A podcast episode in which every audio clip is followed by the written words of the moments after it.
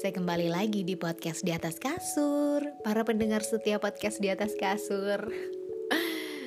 Jadi sedikit cerita sebelum kita ngelanjutin ya. Akhir-akhir ini apalagi semenjak pandemi Saya nger sering ngerasa overthinking dengan keadaan dan kondisi dunia sekarang. Pada akhirnya saya berpikir bahwa Sepertinya saya harus lebih maksimal, lebih bermanfaat buat orang sekitar um, sepertinya saya ingin lebih banyak berbagi gitu. Apa pun yang kita miliki. Saya berharap apa yang saya bagi hari ini bisa bermanfaat buat kalian para pendengar saya. Hari ini saya ingin membahas hal dasar apa saja yang harus kita miliki saat menjadi seorang penyiar radio. Saya sharing ya apa yang saya rasakan. Kira-kira apa saja Jadi yang pertama, paling penting adalah kamu harus punya kepercayaan diri. Dan percaya diri ini adalah modal utama bagi seorang penyiar radio. Karena bagaimana kamu bisa menyampaikan sesuatu atau informasi kalau kamu sendiri tidak percaya dengan diri kamu sendiri. Dengan percaya diri, kamu biasanya akan menyampaikan sesuatu dengan tidak gagap, gak kebanyakan A, E, dan ini kamu bisa enjoy pada saat kamu siaran atau pada saat kamu airtime. Kalau kamu enjoy dengan apa yang kamu sampaikan, pendengar juga akan enjoy dan ngerasa, wah ini sih enak ya. Ini yang saya rasain ya.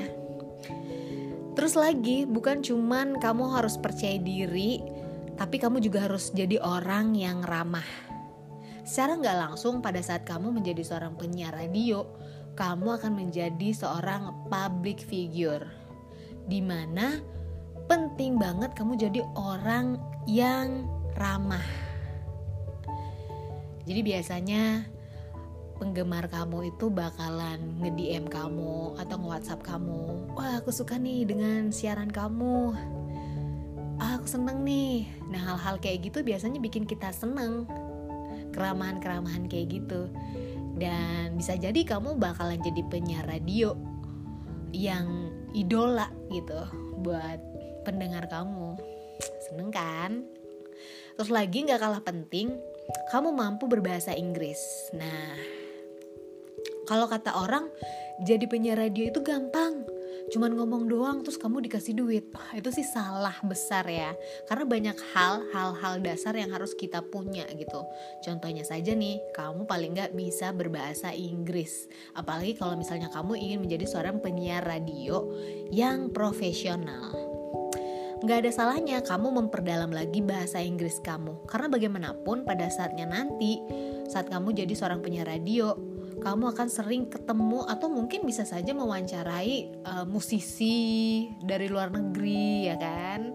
Atau mungkin kamu lagi um, live IG bareng gitu sama musisi-musisi luar negeri. Jadi penting banget kamu bisa berbahasa Inggris dan ini bakalan jadi nilai plus buat kamu.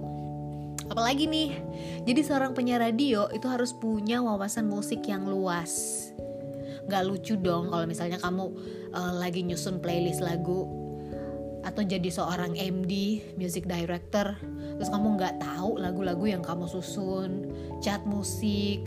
Biasanya kalau misalnya kamu punya wawasan musik yang luas kamu bisa ngerasain ritme pada saat kamu naikin lagu. Dan itu kerasa banget jadi seorang penyiar radio di mana kita tahu gitu oh lagu yang aku puterin setelah ini nih musisi A gitu penyanyi A. Kita jadi dapet feelnya. Dan menurut saya penting banget kamu punya wawasan musik yang luas saat kamu jadi seorang penyiar radio. Lagi nih ini paling penting banget juga update info terkini. Gak banget sih kalau kamu jadi penyiar radio yang kamu ditanya A, misalnya kamu lagi sharing sama partner siaran kamu, kamu malah jawabnya B. Artinya kamu nggak update berita-berita terbaru, nggak update trending topik sekarang. Jadi menurut saya ini poin banget update info terkini. Apalagi sekarang ya teknologi udah makin maju kita juga bisa gampang mengakses informasi. Terus kita juga bisa di mana aja bisa akses informasi terbaru.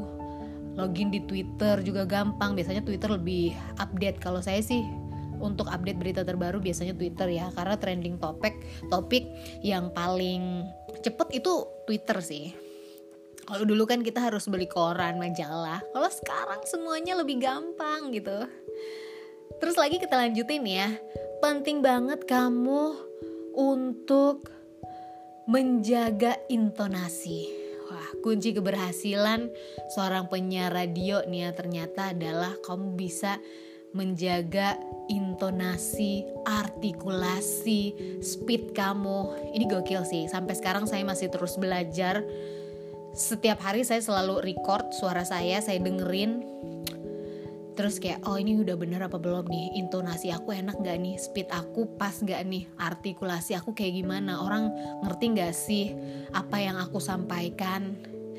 Orang menerima dengan baik gak sih pendengar ini? Gitu. Jadi terlihat sepele tapi sebenarnya ini tuh hal yang bikin pendengar kayak aku mau ngelanjutin denger gak nih kalau artikulasi speed dan intonasi kamu itu bikin orang dengernya kayak ah, ada istilah namanya ejaculation. Jadi orang dengernya kayak wow ini aku suka sih sama penyiar ini gitu. Dan pada saat orang kayak uji ah gokil nih cah kamu misalnya tuh misalnya nih ya kayak kamu ngasih tahu sesuatu wah keren banget. Dan itu kepuasan tersendiri. So apalagi yes jadi ini satu terakhir yang bisa saya sampaikan ya, teamwork. Jadi namanya kita punya tim dalam radio itu penting banget ngejaga kerjasama.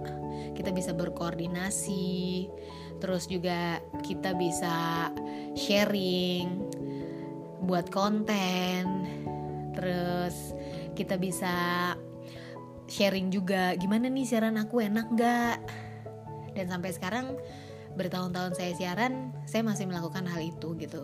Suka nanya e, saya bagus gak gimana siaran saya? Gitu sih. Jadi itu beberapa hal yang bisa saya sharing yang pasti kalau kamu ingin jadi seorang penyiar radio yang profesional, ini bukan berarti saya udah profesional banget ya. Sampai sekarang kurang lebih saya siaran kalau nggak salah ingat ya 5 tahun. Sampai sekarang saya masih terus belajar. Yang paling penting adalah jangan pernah puas dengan apa yang kamu miliki sekarang. Jangan pernah lelah untuk terus belajar dan menggali bakat kamu dan yang pasti juga adalah kamu harus tahu apakah ini yang aku suka. Kalau misalnya kamu ngelakuin sesuatu karena kamu suka, biasanya kamu bakalan semangat, gak terpaksa, dan menikmati setiap part proses kamu dalam belajar. Itu yang pernah saya bahas ya di podcast saya sebelumnya yang bagaimana kita menemukan ikigai. So, closing statement saya, do what you love and love what you do. Sampai jumpa nanti di podcast di atas kasur. Tetap semangat belajar.